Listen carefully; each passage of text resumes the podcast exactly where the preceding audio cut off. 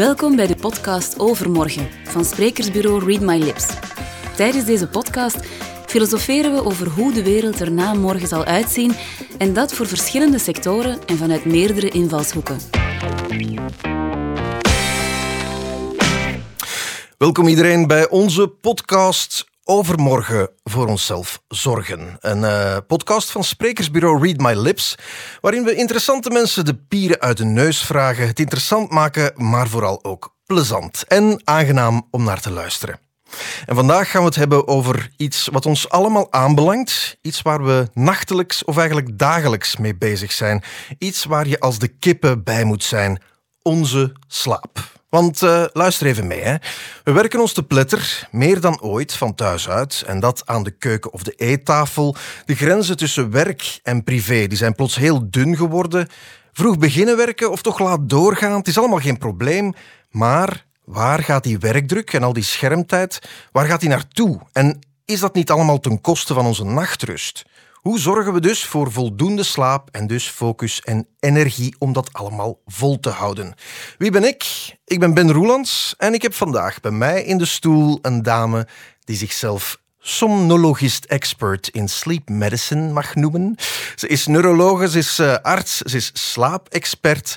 Ze verdiept zich dus in wat er in de slaapkamer moet gebeuren, maar ook vooral wat er niet moet gebeuren in een slaapkamer. Ze heeft ook een bedrijf, Sleep Well and Stress Less. Vandaag ga ik naar bed met Inge de Klerk. Mm, hey, dag Ben. Hallo, dag Inge. Klopt een beetje die beschrijving? Ja, ja dat klopt. Ja, dat die eerste roerende, ronkende titel, dat is gewoon omdat ik het uh, aan een examen heb meegedaan, dat ervoor zorgt dat ik die titel expert ook mag dragen. Voilà. Dat is een Europees examen. Ja, oké. Maar je bent dus inderdaad uh, neurologe, arts, slaapexperte. Uh, ik las ook dat je in 2015 je ziekenhuiscarrière hebt opgegeven om je toe te leggen op die wetenschap van de slaap. Waarom eigenlijk? Ja, ziekenhuiswereld is een fijne wereld om te werken. En ik heb altijd gezegd, als je werkt, en zeker als neuroloog, is een, een, een, een hele fijne uh, specialisatie, maar je moet echt met de mensen begaan zijn.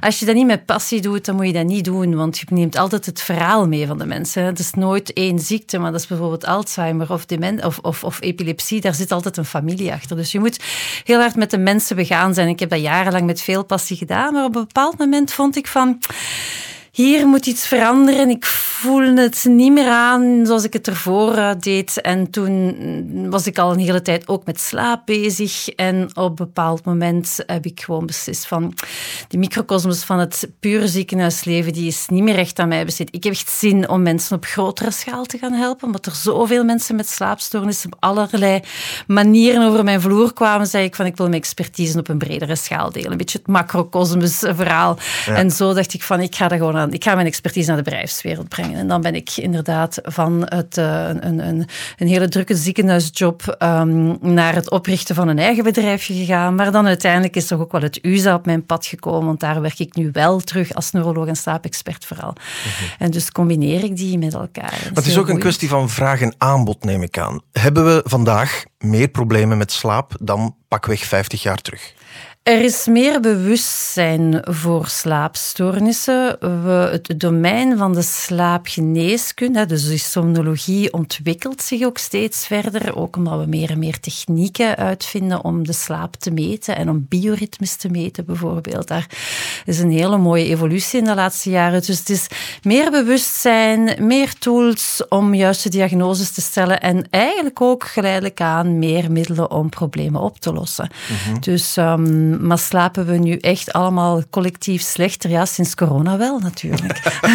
ja, vertel. Vertel, hoe slecht slapen we sinds deze crisis? We is een groot woord. Er zijn mensen die beter slapen. Ik wil altijd graag een beetje het positief plaatje mee ook, natuurlijk. um, maar in de algemene trend van alle studies die uitgevoerd zijn, toont toch maal drie, maal vier. Dus, dus uh, mensen tot, tot drie keer meer, tot vier keer meer mensen die nu slechter slapen op een of andere manier. Het heeft te maken met stress Met piekeren, met wakker liggen, met eh, de onwetendheid over de toekomst, dat soort van zaken. Ja, inderdaad. Ja, dat, heeft daar, dat zijn de belangrijke elementen. Uh, dat zijn een deel van de elementen die daarin uh, een rol spelen. Maar ook mm -hmm. meer nachtmerries bijvoorbeeld dan. Dat kan ook een rol spelen. Ja. ja. Um, ik heb uh, jouw boek ook gelezen, hè, De Kracht van Slaap. Geweldig boek trouwens. Ik ga het zeker nog een aantal keren in ter hand nemen om, om mezelf te verbeteren ook. Um, en daarin las ik, ironisch genoeg, slaap zelf kan een vorm van stress leveren. Hoe komt dat? Dat is, dat is die, die de lat altijd te hoog willen leggen. Hè. Veel mensen willen graag dat hun leven in, op alle vlakken perfect is. En dan moet de slaap ook perfect zijn. Als je niet een perfecte slaap hebt, dan kan je geen perfect leven hebben en omgekeerd. Um, en hoe hoger je de lat legt naar slaap, hoe meer druk op het moeten slapen. En daar knelt dan het schoentje. Want slapen is iets heel natuurlijk. Ik zeg ook altijd, we zijn allemaal gemaakt om te slapen. En er zijn maar weinig mensen die echt niet gemaakt zijn om te slapen. Uh, omwille van een slaapstoornis. Maar de meeste mensen hebben, we hebben het allemaal in ons. We hebben een slaapwaakcyclus. We hebben daarvoor een hele belangrijke, fantastische kern in ons brein die die slaapwaakcyclus regelt en die er gewoon voor zorgt dat wij biologisch geprogrammeerd zijn om afwisselend wakker te zijn en te slapen. Dus we hebben het in ons. Als het moeten slapen wordt, dan wordt slapen inderdaad een stress. En voor veel mensen met slapeloosheid um, is het dat eigenlijk van, oh, nu moet ik slapen, anders kan ik morgen niet functioneren. En als het nu maar ooit gaat weer niet lukken, en al, die, al dat doemdenken, dat is de stress. En het is de stress uiteindelijk die het slecht slapen gaat onderhouden. Ja, ja. Heb je zo vaak mensen die bij jou over de vloer komen en dan zeggen van ja, kijk, ik, uh, ik tracht te gaan slapen, ik ga vroeger slapen. Uh, ik ga in bed liggen, ik probeer het, het lukt me niet. Ik gebruik meetinstrumenten om te weten hoeveel sla ik slaap, hoeveel diepe slaap, hoeveel remslaap. Hoe zit dat eigenlijk en wat is jouw mening daarover? Ja, dus, dus eh, dat heel veel, inderdaad, dat, wat je nu vertelt, dat komt veel, daar kom ik heel veel tegen. En elke persoon met een slaapwaakstoornis heeft wel zijn eigen verhaal. Neem nu maar gewoon bijvoorbeeld de slapeloosheid, een van de meest voorkomende slaapwaakstoornissen. Dat is, dat fijn, ik kan er tien mensen mee zien, ze gaan tien keer een ander verhaal vertellen. Het zijn niet altijd hele leuke verhalen ook niet. Sommige mensen slepen echt een hele bagage mee van vroeger. En dan zij die gaan zeggen van, ja, ja ik, ik, ik slaap helemaal niet, dokter, mijn Fitbit zegt mij dat ik maar zoveel diepe slaap heb. Ja, dus die wearables die we nu hebben, die zijn niet betrouwbaar Waarom? genoeg. Omdat, ja, voor een groot stuk zit slaap toch nog altijd tussen je oren. Hè?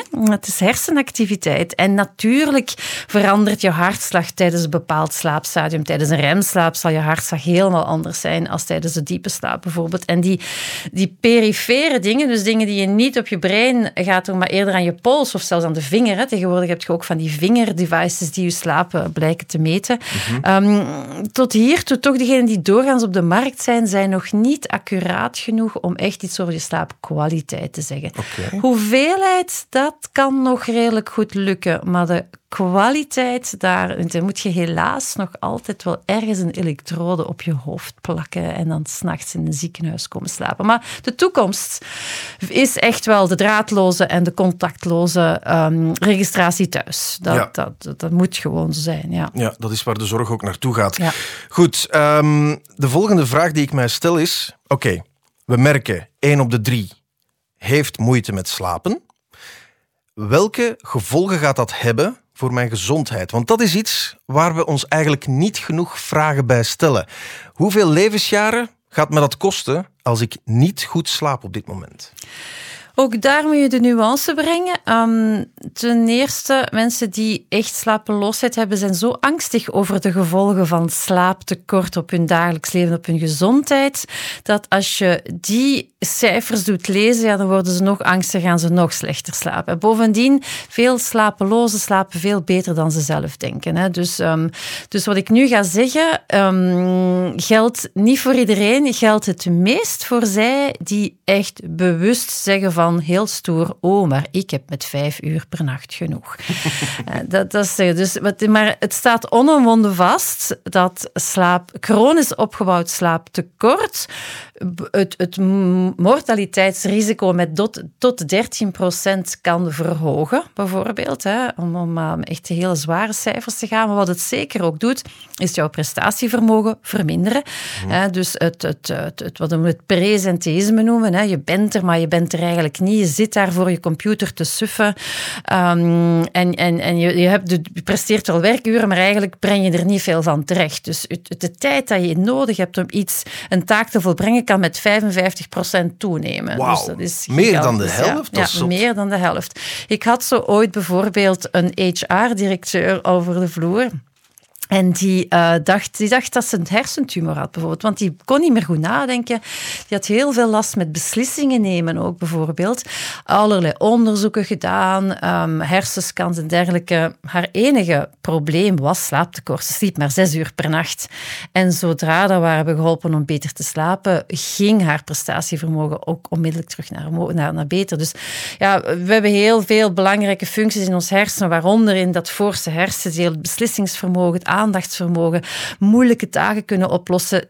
Die soort functies worden heel snel aangetast door slaaptekort. Mhm. Dus het is zeker zo dat zorgen voor de slaap van werknemers, als werknemer zorgen voor je slaap, dat dat eigenlijk gewoon automatisch zorgt voor uh, beter werkvermogen, beter, beter welzijn in het algemeen natuurlijk. Oké, maar dat is dan de cognitieve, uh, het cognitieve deel, het mentale deel, mm. lichamelijk? Ook, ja. Dus, dus uh, slaaptekort, chronisch slaaptekort leidt tot een chronische ontstekingstoestand. Een chronische pro-inflammatoire toestand noemt dat in het uh, mooie jargon.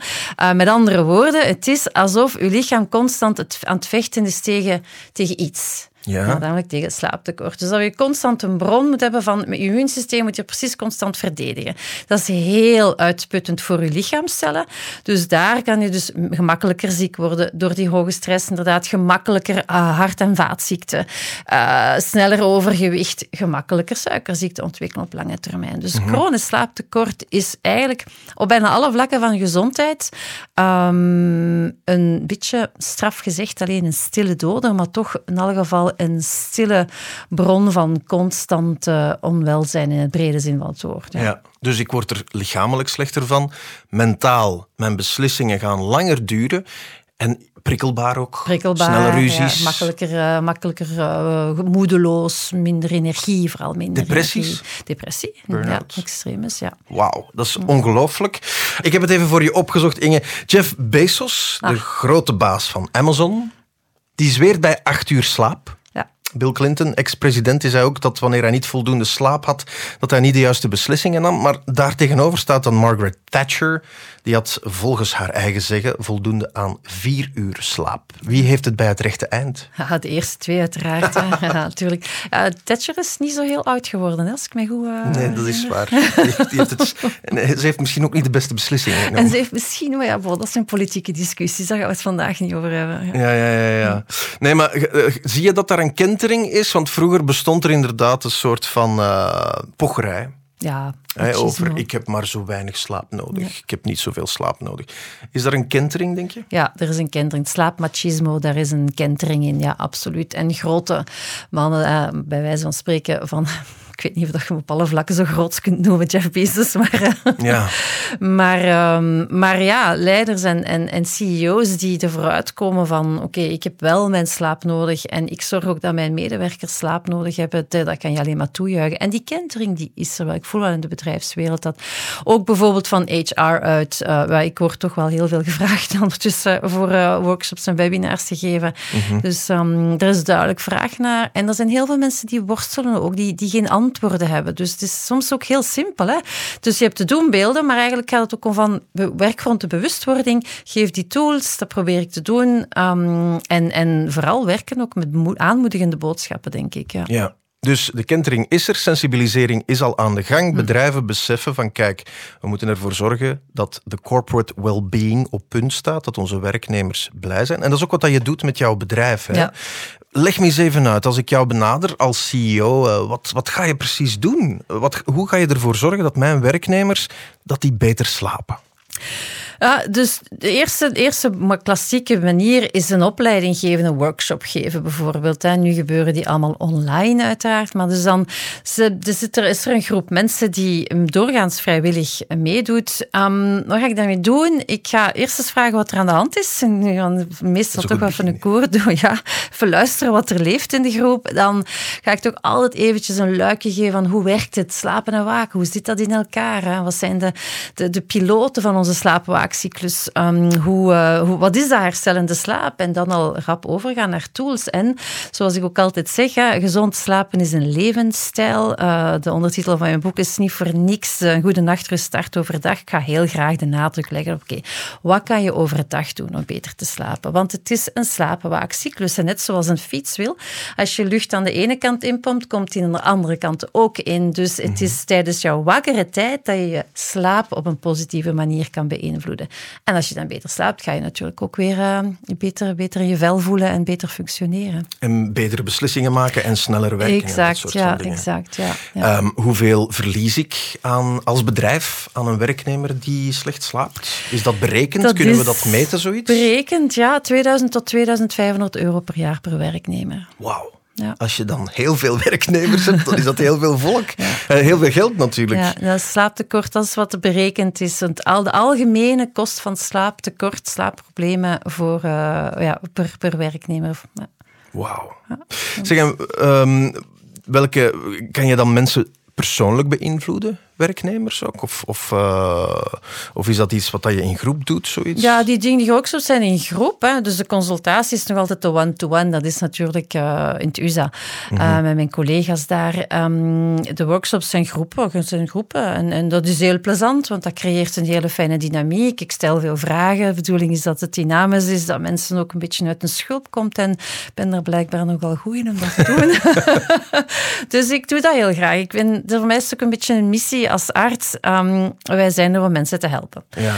En heel fijn om het in een kleine schaal te doen, maar ik vind het ook heel fijn om op grotere schaal te doen. En ik denk dat een stuk van de toekomst daar ligt. Hè. Dat is één, een steentje bijdragen. Dat is ook voor mij wat dat zo belangrijk is, ook met al het werk dat ik doe rond shiftwerkoptimalisatie is. Als ik iets kan bijdragen als expert om mensen ervoor te zorgen dat die op lange termijn een betere toekomst, een betere gezondheid hebben, wil ik zeggen, dan, ja, dan, dan, dan heb ik een mooie taak volbracht eigenlijk. Mhm. ja. Ik, uh, ik ga eventjes uit de bicht uh, spreken. Ik heb ooit uh, als student uh, heb ik nachtwerk gedaan. Uh, ik werkte in een bedrijf dat uh, supermarkten moest uh, bevoorraden van brood en groenten en dat soort van dingen in de koelsector. Nou, ja, het was echt gekoeld, het was koud ook. En ik werkte toen van, um, van tien tot zes ochtends. Dat is de nachtshift. Want ik wilde eigenlijk op korte tijd zoveel mogelijk geld verdienen. Dat was mijn doel als student. Je weet, studenten zijn arm, die hebben niks.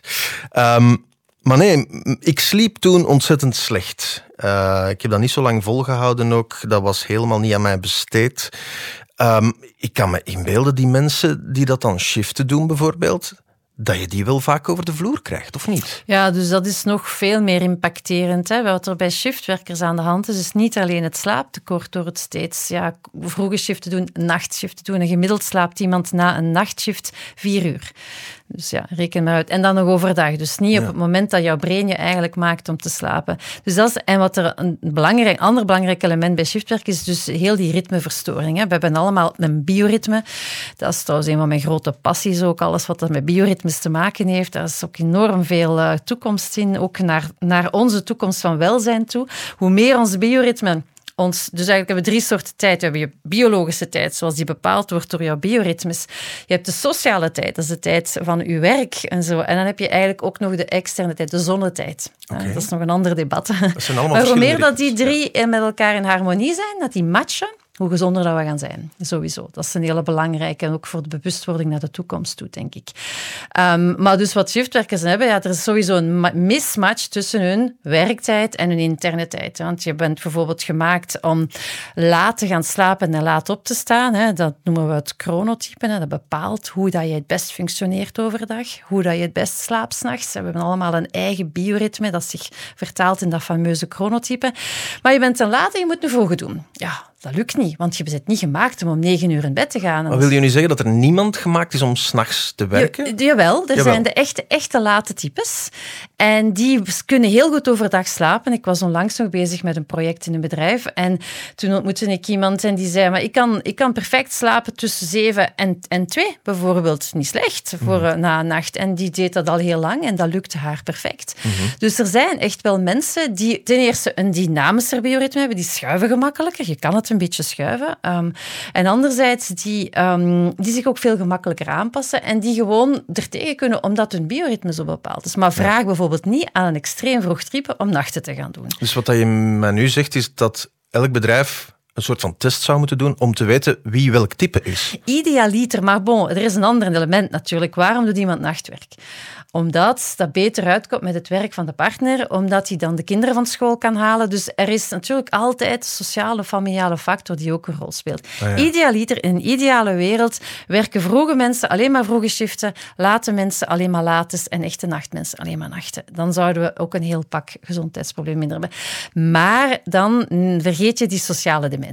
Ja. ik, ik, ken genoeg mensen die constant nachtwerk doen, omdat het beter uitkomt met hun familiale situatie. Dus wat, dat wij, wat dat wij dan, van, wij als experten op dat vlak, chronobiologen, dan moeten doen, is die mensen helpen. Want ook daar kan je met de juiste tools en omkadering en uitleg te geven, helpen om hoe dat je beter met dat nachtwerk omgaat. Hoe kan je toch beter slapen overdag? Dus daar valt echt wel iets aan te doen. Ja. Wat, wat doe je zelf? Hoe slaap je zelf? Dat wil ik nu wel weten eigenlijk. Uh, ben je zo stoïcijns of hou je je echt aan de regels? Uh, hoe zit dat eigenlijk? Vroeger probeerde ik daar met een retorische vraag op te antwoorden. dat doe ik nu niet meer. uh, nee, nee, vroeger zou ik wel eens gevraagd hebben hoe oud denk je dat ik ben. Maar zwart, want als je goed slaapt, dan blijf je langer jong. maar... Um... 26! Kijk eens aan. Ik slaap dus heel goed. Hè. Bij deze heb je het antwoord gegeven. Ja, inderdaad. Je bent het schoolvoorbeeld van de nee, Ik slaap echt wel goed, maar het wil niet zeggen dat ik uh, af en toe wel eens uh, de regeltjes niet volg. Ik, mm. schrijf ik ook in mijn boek. Hè. Mm -hmm. Als je iets doet dat dan helemaal niet klopt, geniet er tenminste van. Ja, ah ja, voilà. Dus alles met maten, hè? Met maten, bon. ja. Maar, maar goed, waar ik eigenlijk naartoe wilde, is naar jouw ochtendritueel. Want s ochtends doe jij elke keer iets speciaals. Ik ga, zoals het ooit zo mooi beschreven stond door Peter van Tiegem, licht drinken. Ja. ja, inderdaad. Wat is dat? Ja. Dat heeft ook weer te maken met het feit dat wij die biologische klok in ons brein hebben. Hè. Die werkt fantastisch op voorwaarde dat die de juiste informatie krijgt over hoe die moet werken. En de belangrijkste bron van informatie om aan die klok te zeggen, nu is het dag en nu is het nacht, is de juiste afwisseling tussen licht en donker. Mm Wil zeggen, het is eigenlijk heel simpel. Hoe meer licht en vooral daglicht vanaf de ochtend, vanaf dat je wakker wordt, hoe duidelijker je aan je brein gaat zeggen, nu is het tijd om wakker te worden. Mhm. Dus zet dat slaapsysteem uit. Bouw die melatonine af. Stop met die te maken. Zet al die waaksystemen aan. Licht geeft het beste waaksignaal aan je brein. Mhm. En dus daarom ga ik inderdaad elke ochtend voor een open raam staan, weer of geen weer. of op mijn terras of voor een open raam. En ga ik echt naar de lucht gaan staren. En dat is mijn manier om de slaap uit mijn lijf te halen. En dat werkt voor mij heel goed. Een heel belangrijk detail dat je daar aanhaalt is een open raam. Want achter een raam, dat is niet voldoende. Nee, de, de, de ramen filteren de luxe. Hè. Je moet lichtsterkte hebben. Ja. En een raam filtert heel sterk. Maar eens een test doen. Je hebt een gesloten raam en daarnaast een open raam. Ga daar eens voor staan en kijk naar de hemel. Dan merk je hoe veel sterker het is als je door het open raam naar de hemel kijkt. Ja, Um, hoeveel luxe moet ik binnenkrijgen? Hoeveel licht moet ik drinken op een dag? Uh, ja, dus daar zijn geen absolute waarden over. Um, hoe meer, hoe beter, dat is zeker. Maar tot ongeveer vijf uur in de namiddag. Dus uh, daarna moet het zo eigenlijk stilletjes aan donker worden. Mm -hmm. Het eerste deel van de dag is belangrijk. Maar bijvoorbeeld op een, of zelfs op een bewolkte dag, um, ene keer dat het zonlicht er is, heb je toch al rap duizend lux. Dat is al een goede start. 3000 is nog beter, 5000, 10.000 is nog beter natuurlijk. Ja. ja. Waar ik ook eigenlijk naartoe wilde is, ja, die nachtwerkers, hoe komen die aan voldoende luxe? Want dat is natuurlijk een moeilijke zaak. Ja. Want wij, wij kunnen een ritueeltje doen, uh, s ochtends op ons terras gaan staan en licht drinken. Misschien kunnen zij dat niet of moeilijker? Wel, zij moeten dat op een andere manier doen. Hè? Dus als je bijvoorbeeld wakker wordt om één uur in de namiddag, het is natuurlijk heel belangrijk van dan onmiddellijk ook naar uh, het, het, felle middaglicht te gaan kijken. Dus ook meteen jouw, jouw brein dan wel aanzetten. Mhm. En waar dat ik ook veel mee werk, maar dat is dan om hun s'nachts um, aan hun brein te zeggen dat het nog niet tijd is om te gaan slapen, is met lichttherapie. Dat zijn lichtbrillen uh, bijvoorbeeld. Dus uh, dat is natuurlijk al wat complex en technisch, maar we kunnen dat licht ook, en er zijn zo van die wearables, van die draagbare lichtdevices die dat hele felle licht geven. En dat kunnen we wel wat gebruiken om, laten we zeggen, de de klok te foppen. Maar we moeten de klok wel een beetje foppen. Als je shiftwerk doet, ja, Ja. moet je ergens proberen je bioritme mee te laten gaan met het, met het werkritme. En dus dat, Mhm. Want dan heb ik maar van 1 tot 5. Dat is eigenlijk Ja. een short window eigenlijk. hè? Ja, maar dat is al niet slecht. Dat is, al, dat is al, dat is al al mooi. goed. Ja, dat is al mooi. Ja. Oké. Goed. We hebben het gehad over de problemen. We hebben het gehad over 1 op 3 die kampt met slaapproblemen. We hebben het gehad over de nefaste gevolgen die je hebt als je niet voldoende slaapt of slecht slaapt. Of slaapapneu hebt of dat soort van zaken. Eh, dus we hebben de uitdagingen dus gezien. Je weet waar ik naartoe wil, uiteraard. We gaan naar de oplossingen. Wat kan ik doen? In je boek beschrijf je het tien-stappenplan, onder andere. Eh, het is natuurlijk veel te veel om dat uitgebreid nu te bespreken. Maar goed, welke dingen kan ik vandaag en nu implementeren om een slaappatroon te verbeteren? Ehm, ik begin terug met licht. Hè. Dat is de, de afwisseling tussen licht en donker. De juiste afwisseling. Heel veel licht 's ochtends, maar zeker twee uur voordat je gaat slapen het donker maken. Want dus dat is ook een belangrijk. Het is even belangrijk om het s'avonds donker te maken als om het 's morgens licht te maken. Twee Dus, eh, uur. Twee uur, want twee uur voordat jouw ideale slaaptijd begint, eh, start de melatonineproductie. Onder meer jouw slaap. Het woord is eruit. Het woord is eruit. Die Melatonine. melatonine, jouw slaaphormoon. Nu, belangrijk hormoon voor heel veel andere dingen. Daar, daar, daar gaan we niet verder op in nu. Mhm. Dus zeker de juiste afwisseling tussen licht en donker. Ik zie mensen die moe zijn 's ochtends alleen maar omdat ze s'avonds te veel licht opzoeken. Ja. Ah, dus te veel licht s'avonds is een echte, ik heb het al gezegd, ooit slaapdoder. Maar dus Ehm, eh, ook geen schermpjes, hè? ook liefst niet. TV wel, hè. TV, als je er ver genoeg vanaf zit en je zit niet in het donker naar tv te kijken, dan is tv best oké. Dus ik, ga, ik ben niet degene die zegt, je mag s'avonds geen tv kijken. Wil ik wel even juist eh, kaderen. Maar dus de juiste afwisseling tussen licht en donker. Dat is Ja. een heel belangrijk. Maar je hebt ook die, die nachtmodus op je, op je telefoon tegenwoordig. Dat is van geel licht, geen blauw licht. Zelfs Helpt dat?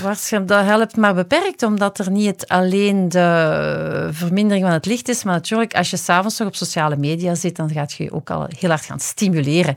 Eh, dus eh, al die media, eh, mails lezen s'avonds, Instagram-toestanden, die werken te oppeppend eigenlijk Dus allemaal. lees Ja. een boek. Lees een boek, bijvoorbeeld. Er zijn zoveel goede boeken. Er zijn zoveel goede Zoveel boeken. fantastische boeken. Oké. Ja, dus, dus de juiste afwisseling tussen licht en donker is belangrijk. Ehm, eh, het is een heel stressvolle periode nu. Ehm, en ik denk dat voor iedereen min of meer wel iets van een stress blijft hangen. De chronische onderhuidse stress. Dus Um, stik je kop ervoor niet in zou ik zeggen. Er zijn heel veel mooie relaxatietechnieken. En iedereen heeft zijn eigen techniek die voor zichzelf het beste past. Hè. Dus dat kan gaan van een goede ademhalingsoefening, die je overdag een paar keer doet, naar een babbelke, een wandelingetje, een fietstochtje, um, een, een, kleine meditatieoefening, um, het van je afschrijven. Er zijn zoveel hele toegankelijke manieren om... om en ik zoek altijd hele vele kleine stapjes maken en groot.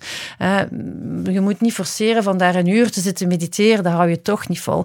Probeer het laagdrempelig te houden, zeg ik Ja, ook altijd. Accessibele. Ja, ja. Maar uh, dus ik heb al gehoord van het blauwe licht dat ik moet vermijden. Ik moet ervoor zorgen dat ik ook voldoende licht drink op een dag. Um, kan ik bijvoorbeeld. Maar ik had ook iets gelezen van de ademhalingsoefening. Ja. Dat vond ik wel razend interessant, want blijkbaar is dat een van de technieken die het snelst wordt opgepikt door mensen die bij jou te raden ja, komen. Ja, dat is iets dat ik zelf opmerk in, in, in al de workshops dat ik geef en zo. Er is bijvoorbeeld een techniek die de hartcoherentie-ademhaling noemt. Beter gezegd, eigenlijk hartsynchrone ademhaling. Maar goed, het komt erop neer dat door op een trage manier te gaan ademen, zes keer per minuut. Hè. Normaal ademen we 12 tot 20 keer per minuut. Mm -hmm. En met een langere uitademing als inademing, dat je daardoor evenwicht creëert in dat fameuze activerende stresssysteem, het adrenalinesysteem en het rustgevende parasympathische systeem. Dat zijn twee delen van jouw autonoom zenuwstelsel die ja. heel belangrijk in evenwicht moeten zijn. En hartcoherentieademhaling brengt dat evenwicht. En dus daarom is dat één enorm goed middel voor je gezondheid, twee, voor je stress te verminderen en drie, als je het regelmatig en, en lang genoeg toepast, ook voor je slaap. Wanneer moet ik dat doen? En hoe lang? Wanneer je wilt, liefst minstens vijf minuten. Maar dan zeg ik altijd, ja, als je zegt, ik heb nu geen vijf minuten, doe het dan twee. Liever twee minuten dan geen. Dus dat is al voldoende dat, eigenlijk? Dat, dat, kan al zeker en vast iets brengen. Ja, absoluut. Mm -hmm. Er zijn hele fijne apps voor. Ze staan in mijn boek.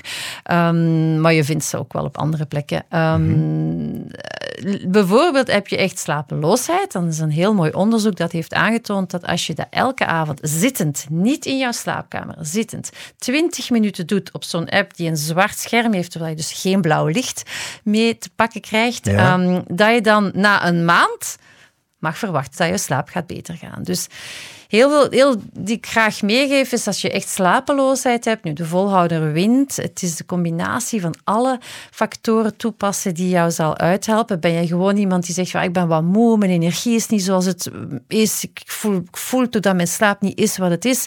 Kijk dan eens naar hoeveel licht pak jij s'avonds nog in, hoeveel beweeg je, wat is, wat is jouw voedingspatroon, dat kan ook een belangrijke impact hebben. Er zijn heel veel kleine dingen. Ja. Op heel veel verschillende aspecten van jouw leven die ertoe kunnen helpen dat je al een betere slaap, herstellende, gezondere slaap krijgt. Mhm.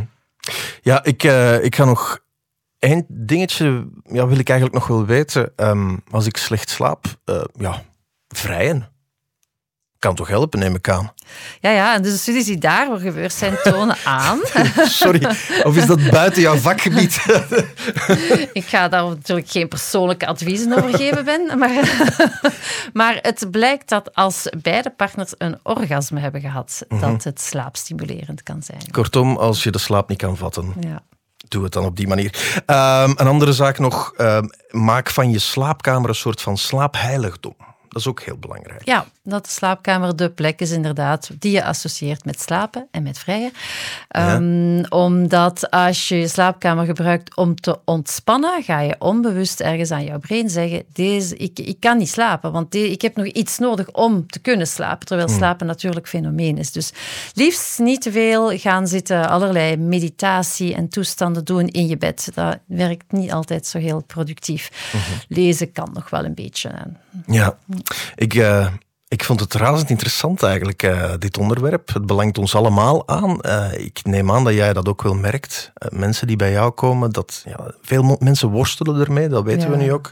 en ik ben heel blij dat je mij hebt kunnen inwijden in de wereld van de slaap. Laat ons zeggen dat het een introductie was. Hè? Ja, het, was het was een introductie. Ik wil je ook bedanken. Maar ik denk jou, want jouw vragen waren superleuk. Hoera! Dat was mijn tak. Dat was mijn tak. Ik zou eigenlijk nog willen verder gaan. Helaas, onze tijd zit er, uh, zit er nu op. Dus uh, ja, dat was het voor vandaag, beste luisteraars. Maar ben je nu nieuwsgierig naar meer? Eh, bekijk dan zeker onze website natuurlijk, hè, via readmylips.be. Daar vind je informatie terug over mij, uh, Ben Roelands, uw moderator vandaag. Maar je vindt vooral informatie over Inge de Klerk als spreker op misschien wel jouw volgende fysieke of online event. Inge, dankjewel hè. Met veel plezier, Ben. Fantastisch gedaan. Ga een uiltje knappen dan. Bye bye. Beluister alle podcasts van Overmorgen op Soundcloud of Spotify. Met veel plezier aangeboden door sprekersbureau Read My Lips.